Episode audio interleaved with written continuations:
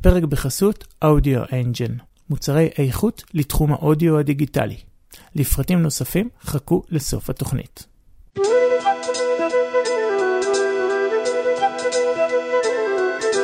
אתם מאזינים לפה ושם בארץ ישראל. יוצר ומגיש יפתח מזור.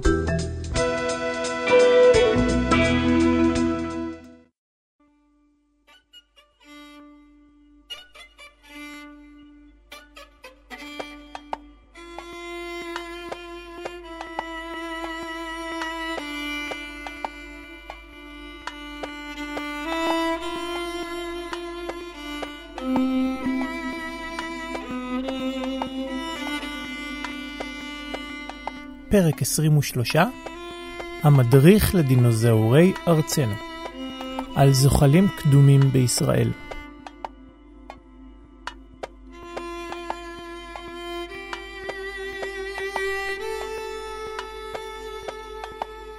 טריליוני יצורים, קטנים כגדולים, נכחדו ועדיין נכחדים במשך מיליארדי שנים על פני כדור הארץ. אבל אף אחד מהם לא עורר עניין רב כל כך כמו זה שעוררו הדינוזאורים. המטמון הגדול הזה שהתגלה מתחת לאדמה החל מהמאה ה-19 העניק לנו חלון הצצה נדיר אל הימים הרחוקים בהם הזוחלים הם אלו שהיו בעלי הבית בעולם.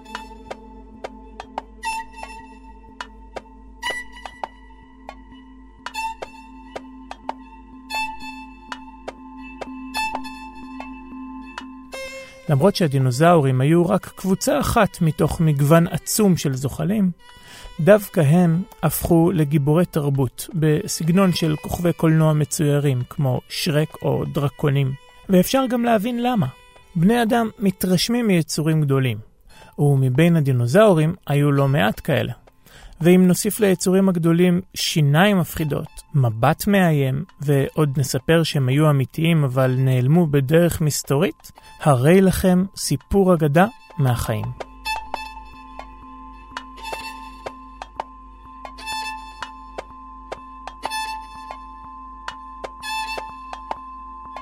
היום בתוכנית ניקח את המהדורה המעודכנת ביותר של המדריך לדינוזאורי ארצנו ונצא לשטח כדי להפוך אגדה למציאות. נפגוש מפלצות ים מפחידות, משפחה שלמה של דינוזאורים, ונצטרף אל מספר ציידים שניסו לחסל את אחרוני הזוחלים הגדולים שנמצאו באזור. אז בואו איתי למסע מרתק אל העבר הקדום של הארץ. אני מבטיח לכם שלא תתאכזבו.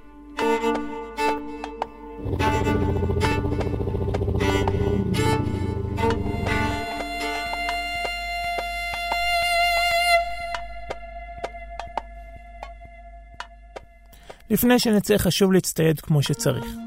מה אקח לבית הספר היום? אמ, ילקוט. מה ניקח לדרך? אמ, קרם הגנה נגד שמש? יש. יש. מים? יש. כובע? יש. אה, אה, וכמעט שכחתי. מדריך הדינוזאורים. מגדיר דינוזאורים? יש. יאללה. נעלה על המכונית המדומיינת וניסע אל הדרום. אל עבר היעד הראשון שלנו.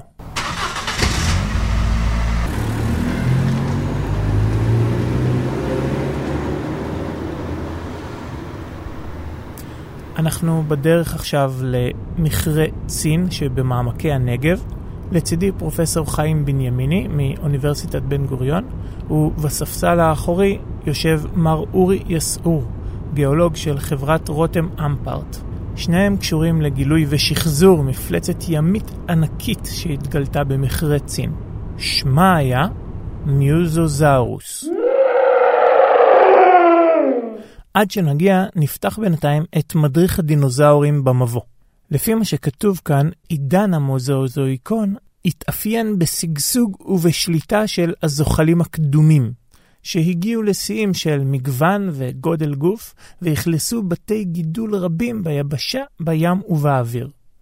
בתוך עידן המוזאוזואיקון יש שלושה תורים, שבמונחים גיאולוגיים הן קבוצות זמן קצרות יותר מאשר עידנים.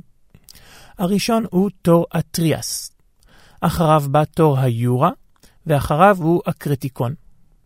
הדינוזאורים חיו בעידן המוזאוזואיקון, כאשר הופעתם התחילה כבר בתוך תור אטריאס, לפני כ-220 מיליון שנה בקירוב, והם התקיימו על פני כדור הארץ עד שנכחדו לפני 66 מיליון שנה, בסוף תור הקריטיקון.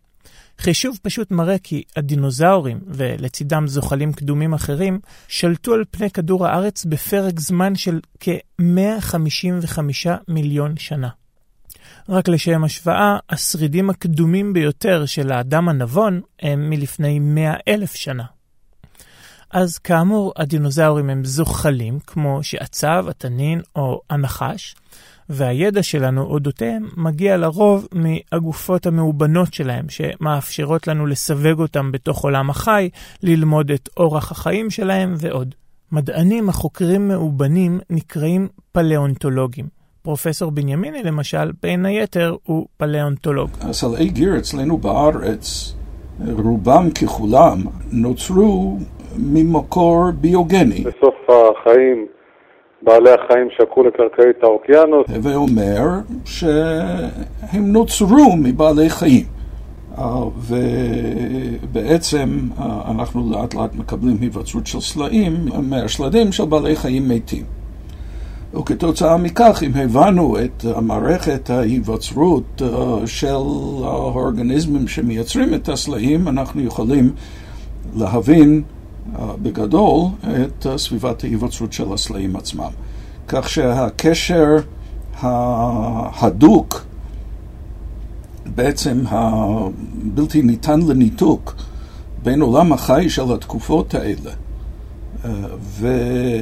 וההיווצרות של סלעי משקע באוקיינוסים של התקופות האלה שעבדתי עליהם, הם היינו הך.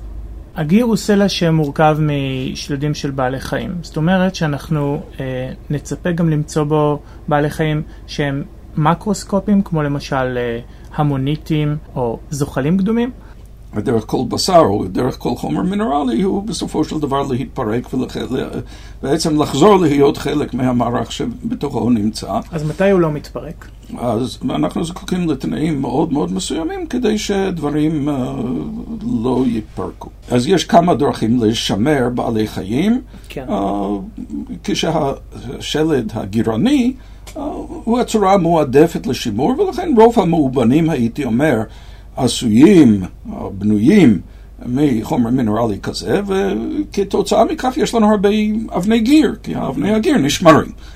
אבל ניתן דוגמה שבעל חי שחי בים פתוח, והוא חי, והוא מת, והשלד שלו נופל על קרקעית הים, ונקבר שם, ונשמר שם, נשמר שם עד היום. אחד מחוקרי המאובנים החשובים ביותר בכל הזמנים היה המדען הצרפתי המהולל ג'ורג' קוביה. קוביה נחשב לאבי האנטומיה המשווה. השיטה שפיתח מאפשרת לנחש את צורתם של בעלי חיים מאובנים, גם אם התגלו רק ממצאים מועטים מהם. הגישה שלו הייתה להשוות בין הממצאים החלקיים של יצור מסוים, לבין חלקים שלמים יותר של יצור אחר מטיפוס דומה. כך היה ניתן לשחזר אין ספור חלקי ממצאים של יצורים קדומים שהתגלו בכל רחבי העולם, ותוך זמן קצר קוביה צבר לו מוניטין כאנטום הטוב ביותר בדורו. אחד הממצאים החשובים ביותר שעזרו לקוביה לפרוץ לתודעה של הקהילייה המדעית, היה שייך בדיוק לאותו מין של מיוזוזאורוס שאנחנו בדרך למקום הגילוי שלו. בראשית שנות ה-70 של המאה ה-18 התגלה בתוך מכרה בעיר מאסטריכט, שעל גבול בלגיה-הולנד, סלע ענק ומוזר, שבתוכו חלקי גולגולת באורך של מטר עשרים. ליצור שהבליח מתוך הסלע היה פה עצום, שיניים מפחידות, והוא לא דמה לשום יצור אחר מוכר. באותה תקופה עדיין לא שמעו על הדינוזאורים, והמחשבות על מפלצות מיתולוגיות אגדתיות עבדו שעות נוספות. בסוף שנת 1794 נכבשה העיר מסטריכט על ידי צבא נפוליאון. כחודשיים לאחר נפילתה, הגיע אליה הגיאולוג סיינט פונד, במטרה להשיג את ממצא שרידי הגולגולת שבינתיים הוחבאו בתוך המבצר של העיר. חברו של סיינט פונד הודיע כי הראשון שיצליח להשיג מידע על מיקום הגולגולת יזכה ב-600 בקבוקי יין משובח. החיילים הצרפתים, שהיו ידועים כחובבי יין מושבעים, לא חיכו רגע והתחילו לסרוק את העיר. כעבור זמן לא רב, חזרה אליו חבורה של מספר חיילים כשבידם הגולגולת הענקית, והם טוענים לפרס. הממצא הועבר כשלל מלחמה לפריז, ועורר סנסציה גדולה בכל רחבי אירופה. הראשון שבא לבחון ולחקור את התגלית בצורה מדעית היה לא אחר מאשר קוביה שלנו. בזכות המחקר של קוביה, המיוזוזאורוס זכה להפוך לאחד הממצאים הראשונים בהיסטוריה שהוגדרו כפרה-היסטוריים, ולא כעוד אחד מהיצורים החיים כיום בכדור הארץ, או כממצא האחרון של מפלצת מודרנית. הוא אפילו הצליח לזהות שמדובר בלטאה גדולה. קודמי המוזוזאורוסים אה, התפתחו כנראה מלטאות יבשתיות, והזוחלים היבשתיים האלה חזרו בהתחלה כנראה למים מתוקים, אחר כך לים. הרעיון שבעבר היו בעלי חיים שנכחדו ואינם עוד, היה מהפכני בפני עצמו. מכיוון שהתפיסה הדתית הרווחת באירופה של אותם ימים הייתה שהאל לא היה מניח ליצור שברא להיעלם. וכפי שאתם ודאי מבינים, המהפכה התפיסתית שחולל קוביה משפיעה עלינו עד היום. טוב, אנחנו עוד רגע מגיעים למיוזוזאורוס שלנו. לפי מה שכתוב... לאט לאט. בפעם הבאה תזכירו לי לא לקרוא את מדריך הדינוזאורים תוך כדי נסיעה. נרד מהרכב.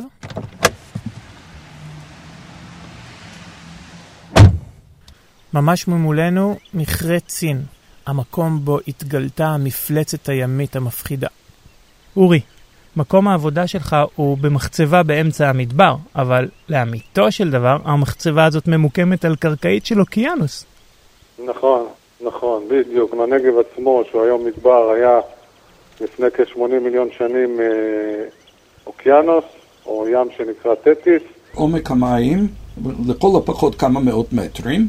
זאת אומרת, על קרקעית הים הזו, הזאת, האור אור לא חדר, הוא היה בחושך. ואם אנחנו מחפשים את החוף הים הקרוב ביותר, היינו צריכים להגיע במרחק אה, של אה, סדרי גודל של בין 250 ל-500 קילומטר. לאיזה כיוון? אולי חוף הים הקרוב ביותר מבחינתנו, חוץ מסימן שאלה כמה איים פה ושם, אה, היה אולי במרכז עיראק או משהו מה...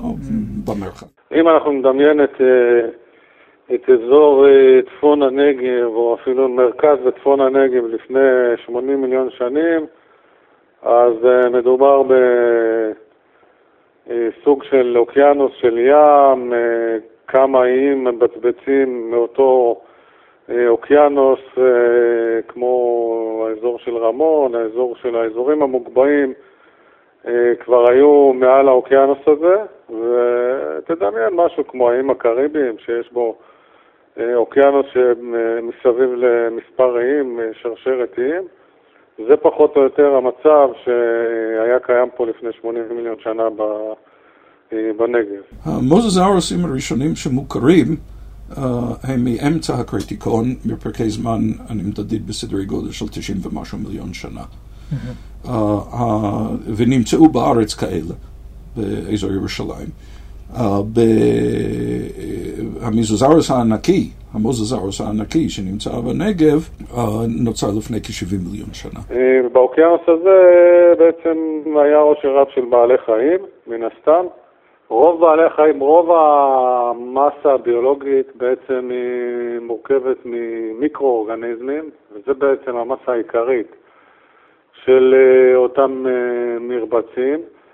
מעט מאוד זה מקרו-אורגניזמים או אורגניזמים אה, גדולים כמו, אה, נתחיל מדגים והמשך לקרישים ובעלי חיים אה, יותר גדולים כמו המוזוזאורים שהיו בזמנו הכי גדולים באוקיינוסים, או בין הגדולים שביניהם, אז על מנת שבעל חיים גדול יישמר, הוא צריך תנאים מאוד מאוד מיוחדים שלא יתפרק וייהרס במשך עשרות מיליוני שנים. זה נדיר. דפדוף מהיר בספר מוביל אותנו לעמוד 36, לערך מזוזאורוס. לפי מה שנכתב כאן, הגולגולת שהתגלתה במכרה צין הגיעה לאורך של כמטר וחצי. להזכירכם, הראש שהובא לקוביה היה באורך של מטר עשרים. לפי מימדי הראש ובהשוואה למיוזוזאורים אחרים, הגוף של המיוזוזאורוס שלנו הגיע לכ-13 מטר אורך. וכנראה הגודל של המוזזאורוס הזה הוא כמו גודל של uh, לוויתן גדול. הגדול ביותר מבין המיוזוזאורים שנמצאו אי פעם הגיע ל-15 מטר. בתוך חלל הפה משובצות שיניים חדות שמעידות שמדובר על טורף על. לדבר הזה יש שיניים עם שפיצים כמו טורף טוב, כן? שמשהו, שבשביל לתפוס משהו שירצה לברוק ממנו. יש uh, סימנים כנראה של uh, נזק צלקתי שחשוד שהיה בחיים שלו. אם זה כתוצאה של מלחמה עם האוכל שלו, מלחמה בין מוזזאורוסים שונים, מנגנון מיוחד של ניתוק הלסתות, כמו שאנחנו מכירים מנחשים, אפשר לו בליעה של טרף גדול במיוחד. יש תגליות של מוזזאורוסים, uh, כשעדיין אפשר לזהות מה היה תוכנו של הארוחה האחרונה שלהם. Uh, מתוך זה אנחנו גם פחות או יותר יודעים מה הם אכלו. מתוכן של קיבה מאובנת שנמצאה בבטנם של מיוזוזאורוסים שהתגלו ביבשת אמריקה, ניתן ללמוד שבתפריט שלהם היה בין היתר דגים, ציפורי ים, צבי ים, ציפורים, ואפילו הם טרפו אחד את השני. אם הם קצת היו קניבלים. מפלצת ענקית זו הייתה כנראה גורם הטרור המפחיד והקטלני ביותר של הים הקרטיקוני. Another of evolution's winners. Then, as now, a killer. A mosasaur weighs 10 tons. It can swim at speeds up to 30 miles per hour and is very, very deadly.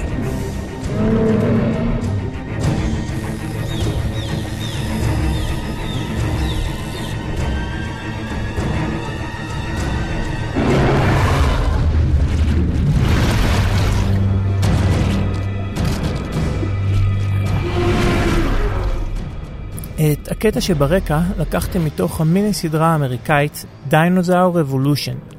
ומה ששמעתם הוא עימות משוחזר ומשוער בין מיוזוזאורוס נקבה לבין כרישים מנוקדים שמנסים לטרוף את הצאצאים שלה. שניים מפרקי הסדרה אפשר למצוא במלואם באתר הידוע עתה צינור, או בתרגום חופשי לאנגלית, יוטיוב.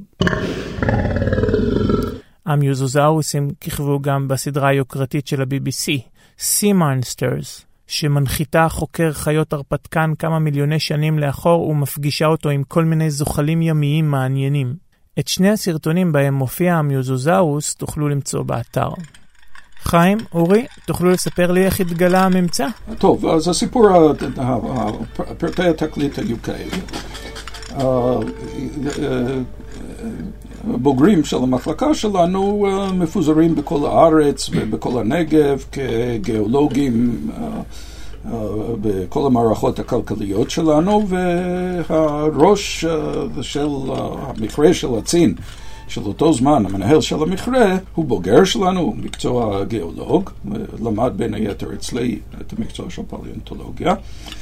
Uh, ותוך כדי קריאה במכרה הזה הוא שם לב לאיזשהו ממצא. יום אחד uh, הסתובבתי ובקיר קריאה זיהיתי חוליות מבצבצות. כמובן לקח לי עוד קצת זמן להבין מה אני רואה.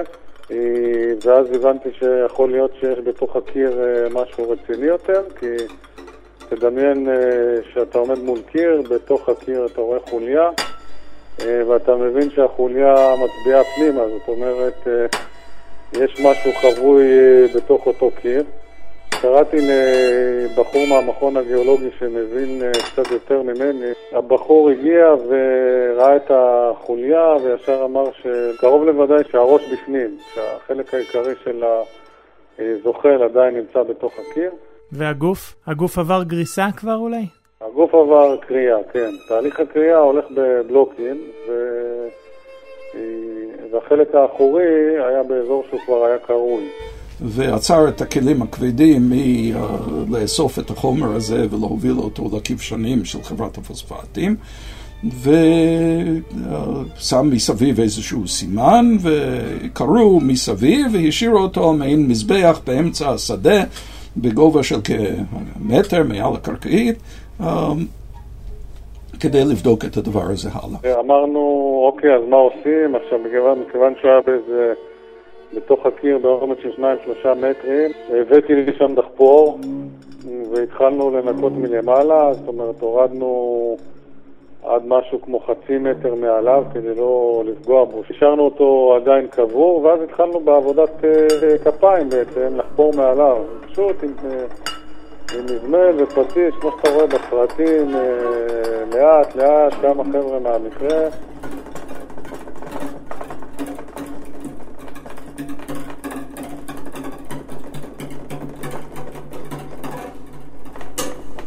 פתאום יום אחד אנחנו ככה רואים אה, שן, שן מבצבצת לנו תוך כדי החפירה ואז הייתה שמחה באמת גדולה, אמרנו אוקיי זה ברור, זה הלסת, זה השיניים, זה הראש פה.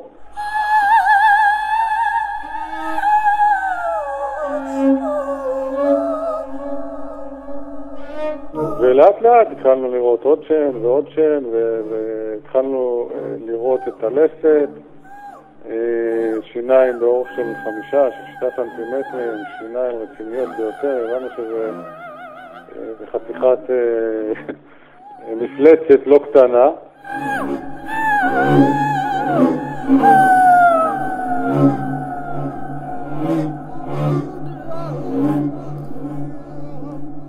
ואז הבנו שאנחנו צריכים לעצור בעצם. מה שכמובן בלט הכי הרבה זה השיניים, שכל אחד זה כמו גביר של גלידה כזאת, אה, אבל אה, מה שהוא הצליח לשמר זה את הראש של המפלצת שלנו באורך של יותר ממטר וחצי וכמה חוליות של הצוואר.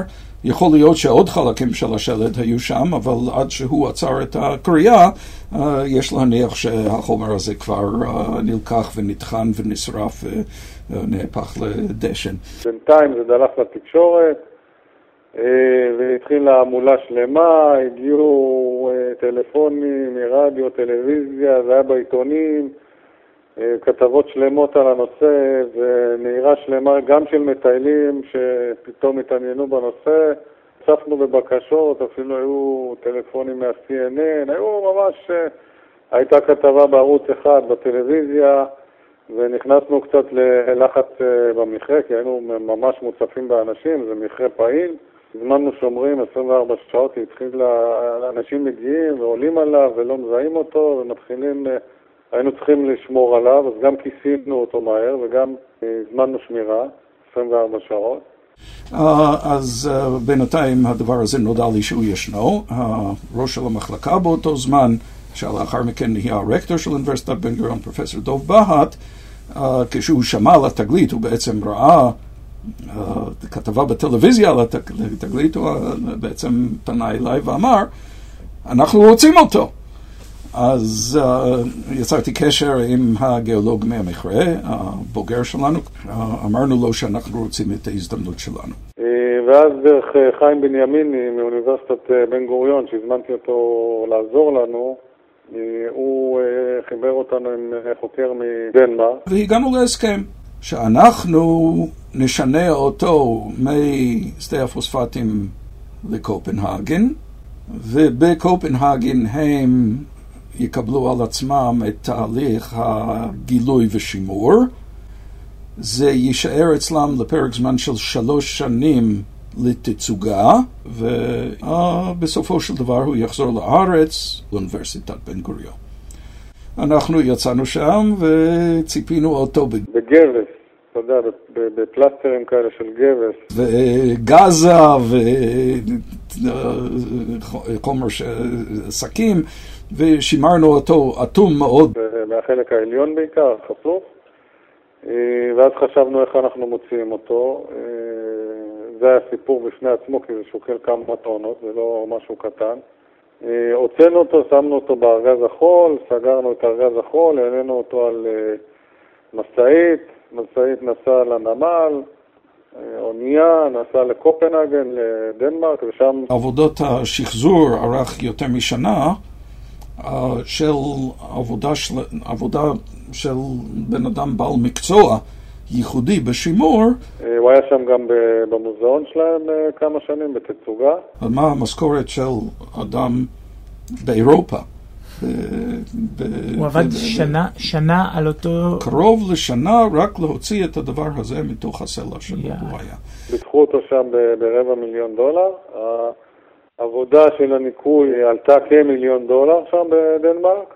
אחרי עשר שנים בערך אה, התחלתי לפעול לתרומות אה, שלנו, בעיקר של רותם, אה, להחזיר את המאובן לארץ. היה קצת סיפור, כי הדנים רצו אותו לעצמם אחרי שהם עבדו עליו, וזה... בסופו של דבר, all's well that ends well, והוא מצא את מקומו פה בצורה ראויה. והוא היום באוניברסיטת בן גוריון, הוא בתצוגה שם. ואנחנו שמחים שהוא פה. דפדוף מהיר במדריך שלנו יחשוף עוד מספר מינים מרשימים של זוחלים ימיים קדומים שהתגלו בישראל. למשל, בעמוד 42 תוכלו למצוא את היצור הימי פספוזאורוס, שלפי מה שכתוב פה, שרידים שלו נמצאו רק באזור ישראל ומצרים. בעמוד 44 מופיע הנוטוזאורוס, שהיה טורף ימי עם גוף וצוואר מאורכים ושיניים בולטות החוצה. בסרט של ה-BBC זו החיה הראשונה שהצוללה נתקל בה כשהוא נכנס למים. וכדי להוסיף עניין הוא מנסה לתפוס לה את הלסתות וקצת מתגרה בה. הנוטוזאורוס גם כיכב לכמה שניות בפנטזיה של וולט דיסני. בעמוד 46 מופיע יצור נוסף שנמצא בארץ בשם סימוזאורוס, טורף ימי גדול שכנראה שייך למשפחת הנוטוזאורוס. בעמוד 48 מופיע הטניסטרופאוס, שהיה זוחל ימי או ימי למחצה, שהזכיר קצת במבנה שלו דינוזאור מהמין דיפלודוקוס. האלה עם הצוואר הארוך והגוף השמן, רק שכאן הצוואר עוד יותר ארוך ביחס לגוף. בסרט של ה-BBC הצוללן מתקרב לאחד כזה, תופס לו את הזנב, ואז פתאום הזנב העצום הזה מתנתק ונשאר לו ביד. בעוד שהיצור השמן חומק משם כולו מדמם. אם זה לא היה משוחזר, אני בטוח שה-BBC היו מקבלים תלונות על התעללות בבעלי חיים ימיים קדומים. בהמשך המדריך תוכלו למצוא עוד כמה זוחלים קדומים גדולים שהתגלו בארץ במקומות שונים, אבל הזמן קצר מלספר. וגם למה לעשות ספוילר לספר כל כך טוב.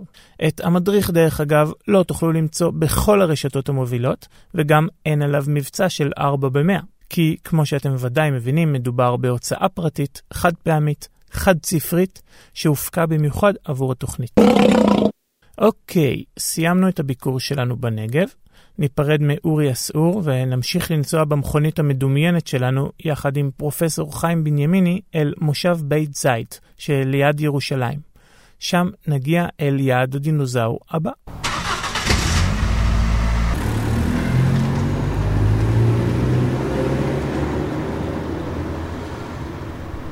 אנחנו מתקרבים למושב בית זית.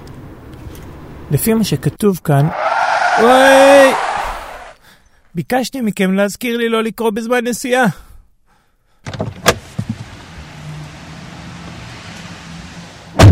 אנחנו כאילו צועדים עכשיו לכיוון הבית של משפחת שוורצוולד, מכיוון שבחצר המשפחה התגלה בשנת 1962 ממצא דינוזאורי מרתק. הגענו. עכשיו כאילו נדפוק על הדלת. היי שולמית, תוכלי בבקשה לספר לנו על הממצא המדהים שהתגלה אצלכם בחצר? הגעתי לבית זית בהיותי קטנטונת, בת ארבע אני חושבת, והוריי uh, התחילו uh, לעבוד בגינה, מה שנקרא.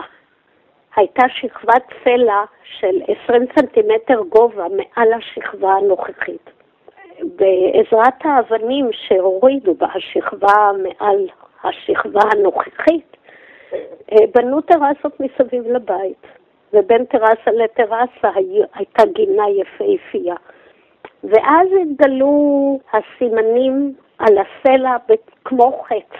מההורים שלי ראו מיד שיש סימנים. ככה זה עמד כמה שנים, עד שהיה כאן סטודנט שלמד גיאולוגיה באוניברסיטה העברית, מוטקה סופר, והוא אה, הוא הלך, הוא טייל. ואז אבא שלי אמר לו, מוטקה, בוא תראה מה, מה יש לנו פה על הסלע. והוא ירד, והוא לא ידע מה זה.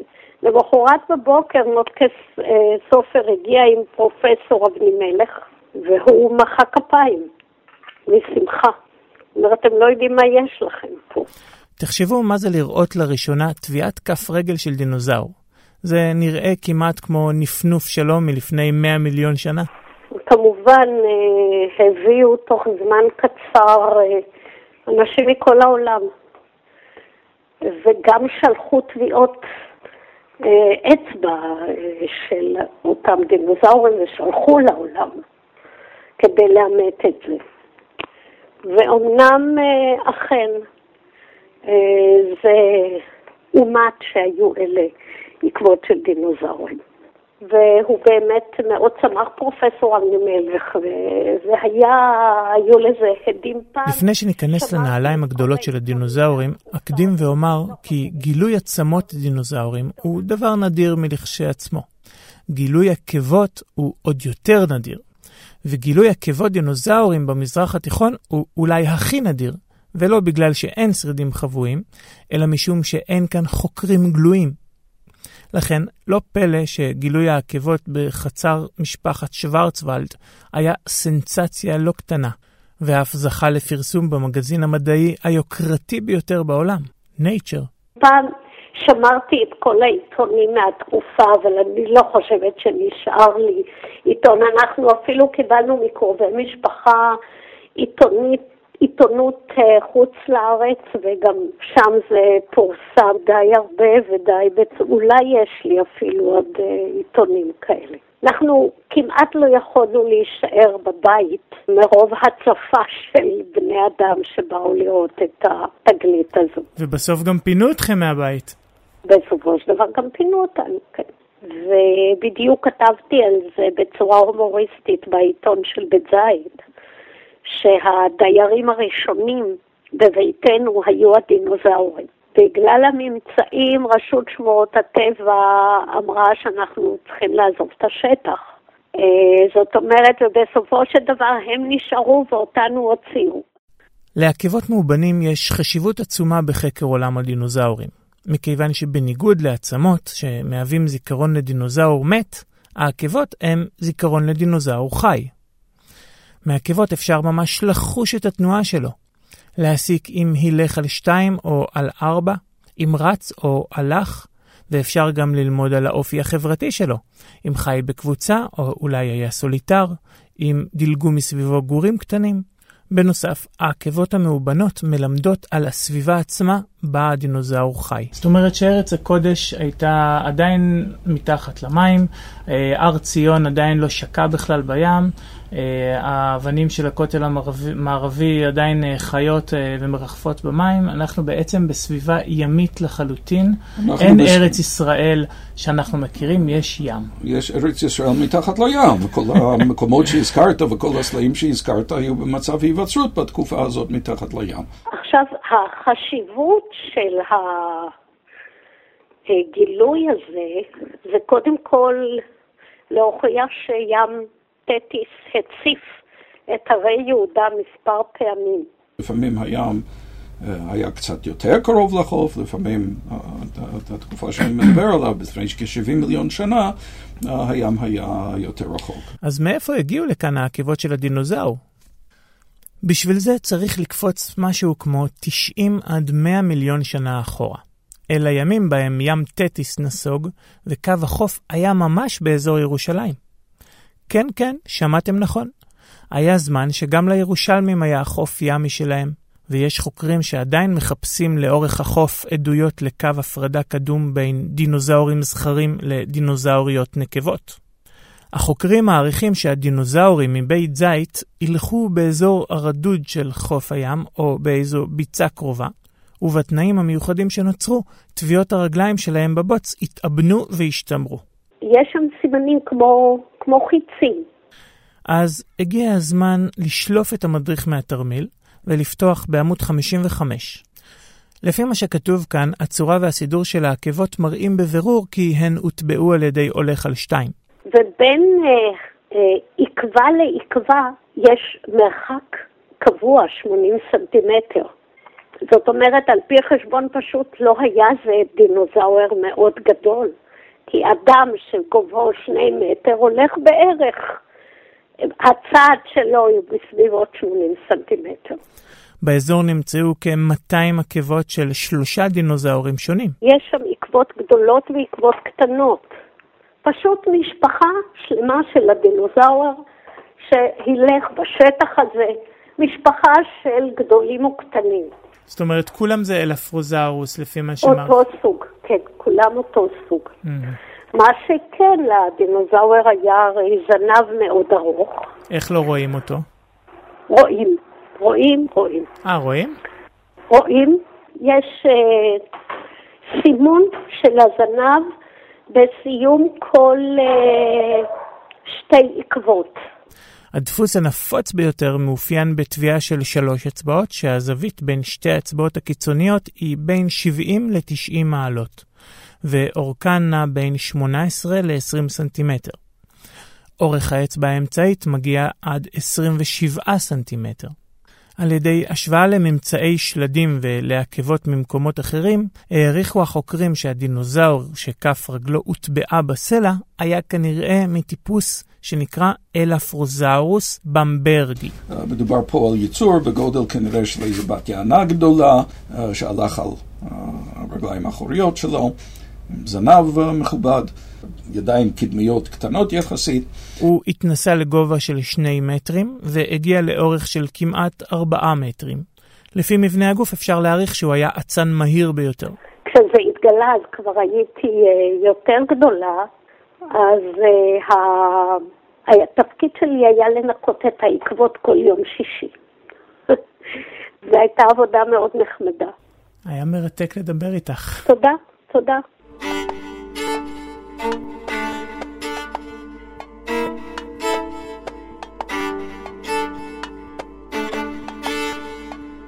המחקר המודרני טוען כי מוצא הדינוזאורים הוא מיצורים קדומים המכונים ארכוזאורים. הארכוזאורים כנראה השתלטו על היבשה לפני כ-230 מיליון שנה. מלבד הדינוזאורים, הארכוזאורים הם גם האבות הקדמונים של התנינאים והפטרוזאורים. כולם כמובן זוחלים.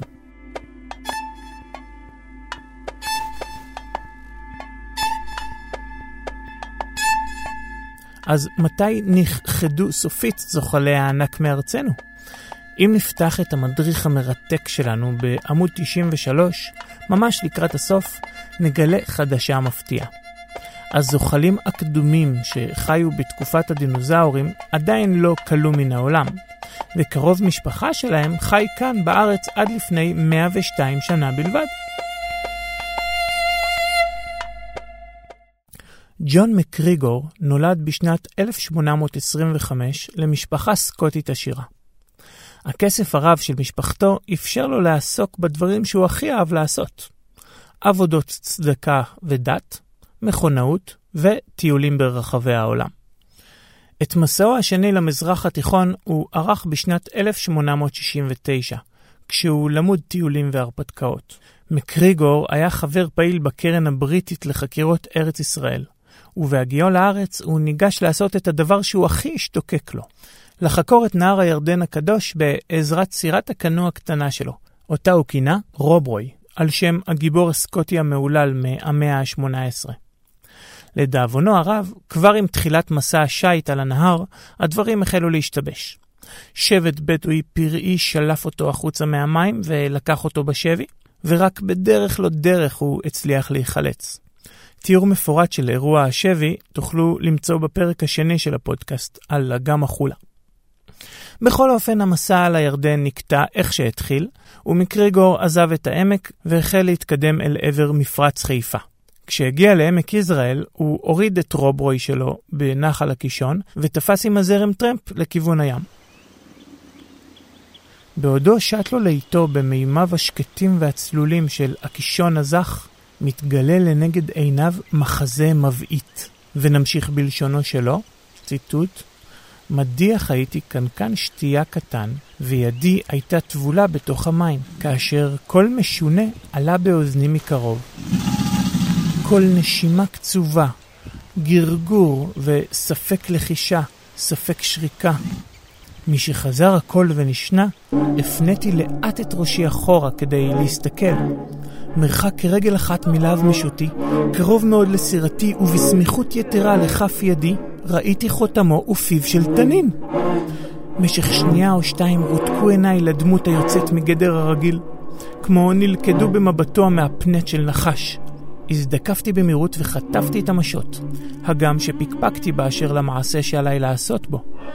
זהיר זהיר, אם כן, טבלתי את להבו הכחול של המשות במים, ראש התנין צלל, ורוברוי זינקה לאמצע הנחל, מקום שם הייתה בטוחה יותר, שכן התנין מעדיף לתקוף בסמוך לחוף.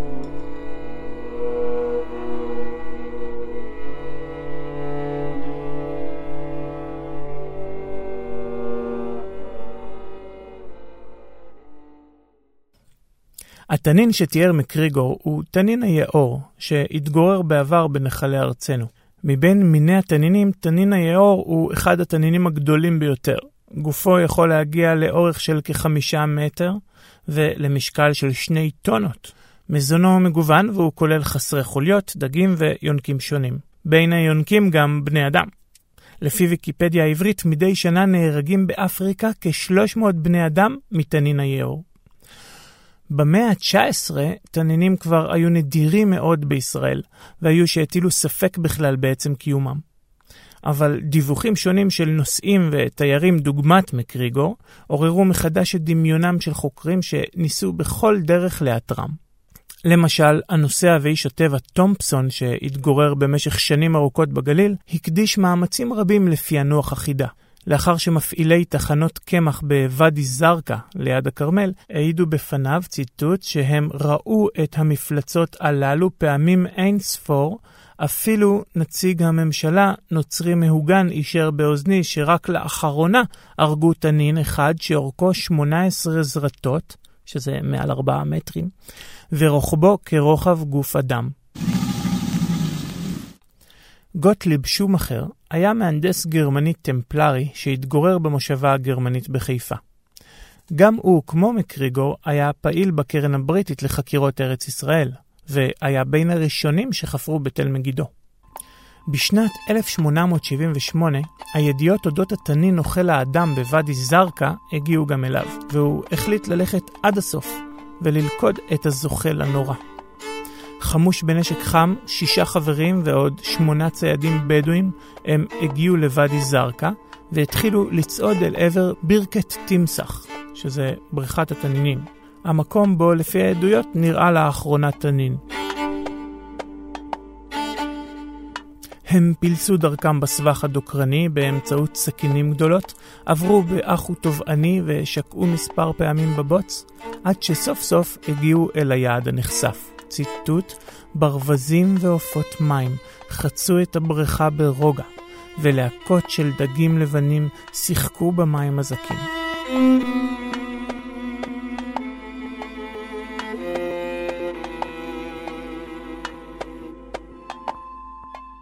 מסביב לבריכה זיהו החוקרים מקומות שבהם גבעולי הצמחים היו רמוסים.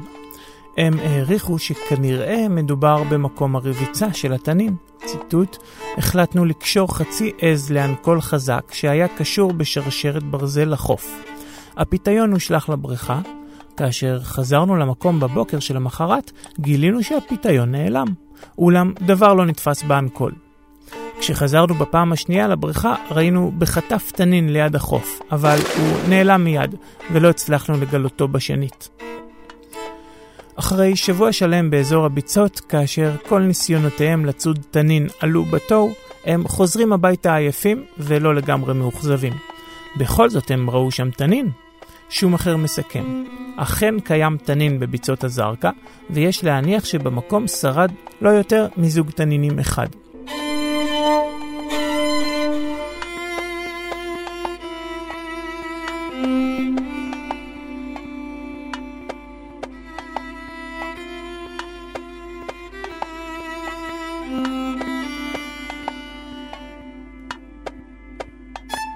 עוד בראשית המאה ה-20 הגיעו דיווחים ועדויות להימצאות תנינים באזור ביצות קברה ונחל תנינים, עד שב-1912 ניצוד באותו אזור התנין האחרון בארץ ישראל, והוא מצוי כיום באוסף האב שמיץ בירושלים. מה שלא עשה הטבע במיליוני שנים, הצליח לעשות האדם בכמה עשורים. כך תם עידן הזוחלים הגדולים בישראל. מהימים ההם של הדינוזאורים ועד הזמן הזה. אמן.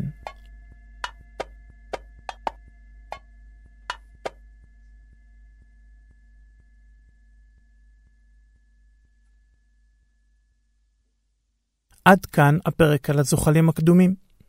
תודה לכם שהייתם איתי. תודה לניצה מזור על העריכה הלשונית, לפרופסור חיים בנימיני, אורי אסעור ושולמית שוורצוולד על הראיונות המעניינים, וכמובן תודה ענקית לדני תימור, המנהל העסקי של הפודקאסט והאב הרוחני של רשת הפודקאסטים. מי שעדיין לא נכנס לעניינים, מדובר ברשת חדשה שמאגדת תחתיה בינתיים כארבעה פודקאסטים מעולים, ואחד היעדים המרכזיים שלה הוא להעצים את תרבות התוכן האיכותי בישראל. החברות ברשת היא סוג של תו האיכות, מכיוון שמצטרפים אליה רק פודקאסטים המוכחים כאיכותיים. בעתיד היא כנראה גם תכלול אפליקציה יהודית. ארבעת הפודקאסטים ברשת עכשיו הם עושים היסטוריה של רן לוי, שהוא גם אחד ממובילי היוזמה של הרשת, פה ושם בארץ ישראל עם יפתח מזור, שלא פספסתי אפילו פרק אחד שלו. פודקאסט חדש בשם השבוע, שעוסק בנושא סטארט-אפים ויזמויות, והפודקאסט הוותיק של יובל מלכי, קטעים בהיסטוריה, שעוסק בהיסטוריה כללית והיסטוריה יהודית. את הכישורים לכל התוכניות שברשת תוכלו למצוא באתר תחת הלשונית עוד פודקאסטים, והתת כותרת רשת הפודקאסטים. מי שעדיין לא עשה את זה, מוזמן להירשם לתוכנית שלי ולהתעדכן בכל פעם כשיוצא הפרק החדש. ועכשיו, חסות.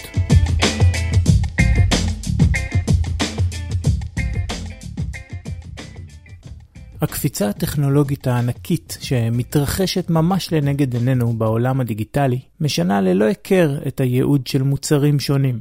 כך למשל, הטלפון הסלולרי הוא כבר מזמן לא רק טלפון, הוא גם GPS, גם mp3, גם מצלמה, גם וגם וגם. ואם כבר הוא עלינו, אז נהיה מוכנים להתפשר על צילום תמונה איכותית, כי הרי זה הרבה יותר נוח מאשר לסחוב כל היום מצלמה. משהו דומה קרה לנו גם עם המחשבים. רבים מאיתנו כבר מזמן זנחו את מערכת האודיו המסורבלת שכללה קומפקט דיסק, מגבר איכותי ורמקולים מאוצים, לטובת האזנה למוזיקה דרך המחשב, שבדרך כלל מצויד בכרטיס קול ירוד ובמקרה הטוב רמקולים מפלסטיק. כל כך נוח וזמין לתפעול. והנה, שוב נוצר המצב האבסורדי שדווקא הקדמה גורמת לנו לצעוד במובנים מסוימים שנים לאחור. אבל זה לא חייב להיות ככה. מגיע לכם יותר. אם גם אתם רוצים להחזיר את איכות הצליל שסובבת אתכם למקום הראוי לה, וזה כמובן מבלי לזנוח את היתרונות המדהימים שנותן לנו המחשב או הנגן הנייד, ל Audioengine יש מגוון פתרונות מצוינים עבורכם. החברה מייצרת מערכות של רמקולים מוגברים שמגיעים בתיבות עץ ומכילים רכיבי הגברה שניתן למצוא במערכות סלוניות יקרות בהרבה. אבל ההבדל שכאן כל כולה של המערכת נועד להתאים לעולם הדיגיטלי. בנוסף, Audioengine מציעה כרטיסי קול חיצוניים, שולחניים או אלחוטיים, שמאפשרים לעקוף את כרטיס הקול הבסיסי של המחשב, וכך לשפר בצורה ניכרת את איכות קבצי האודיו שאנו שומעים. התוצאה היא שהמוזיקה שלכם תישמע כמו שאף פעם לא שמעתם אותה, ותהיה הכי קרובה למה שהאמן התכוון במקור. למאזיני התוכנית תהיה הנחה מיוחדת של 15%. פשוט כנסו לבאנר שבאתר ותוכלו לקבל משם את כל הפרטים. תודה לאודיו האנג'ן על תמיכתה בפה ושם בארץ ישראל. אם גם אתם רוצים לפרסם בתוכנית, אתם מוזמנים ליצור עמנו קשר באימייל israelipodcast gmail.com. אז ביי בינתיים, ונתראה בפרק הבא.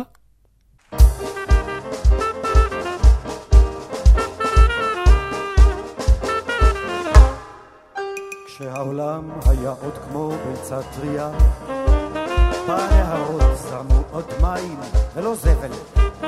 הדינוזאור היה אז נזר הבריאה. פינו את קין או את הבל, הדינוזאור היה גדול, הדינוזאור היה נחמד, וכל הארץ רעדה רק מפניו. לדינוזאור הכל יכול, היה רק פגם קטן אחד, הראש היה רחוק מהזנב. עד שהראש ידע מה הזנב מרגיש, כבר הזנב עשה מה שהראש הכחיש.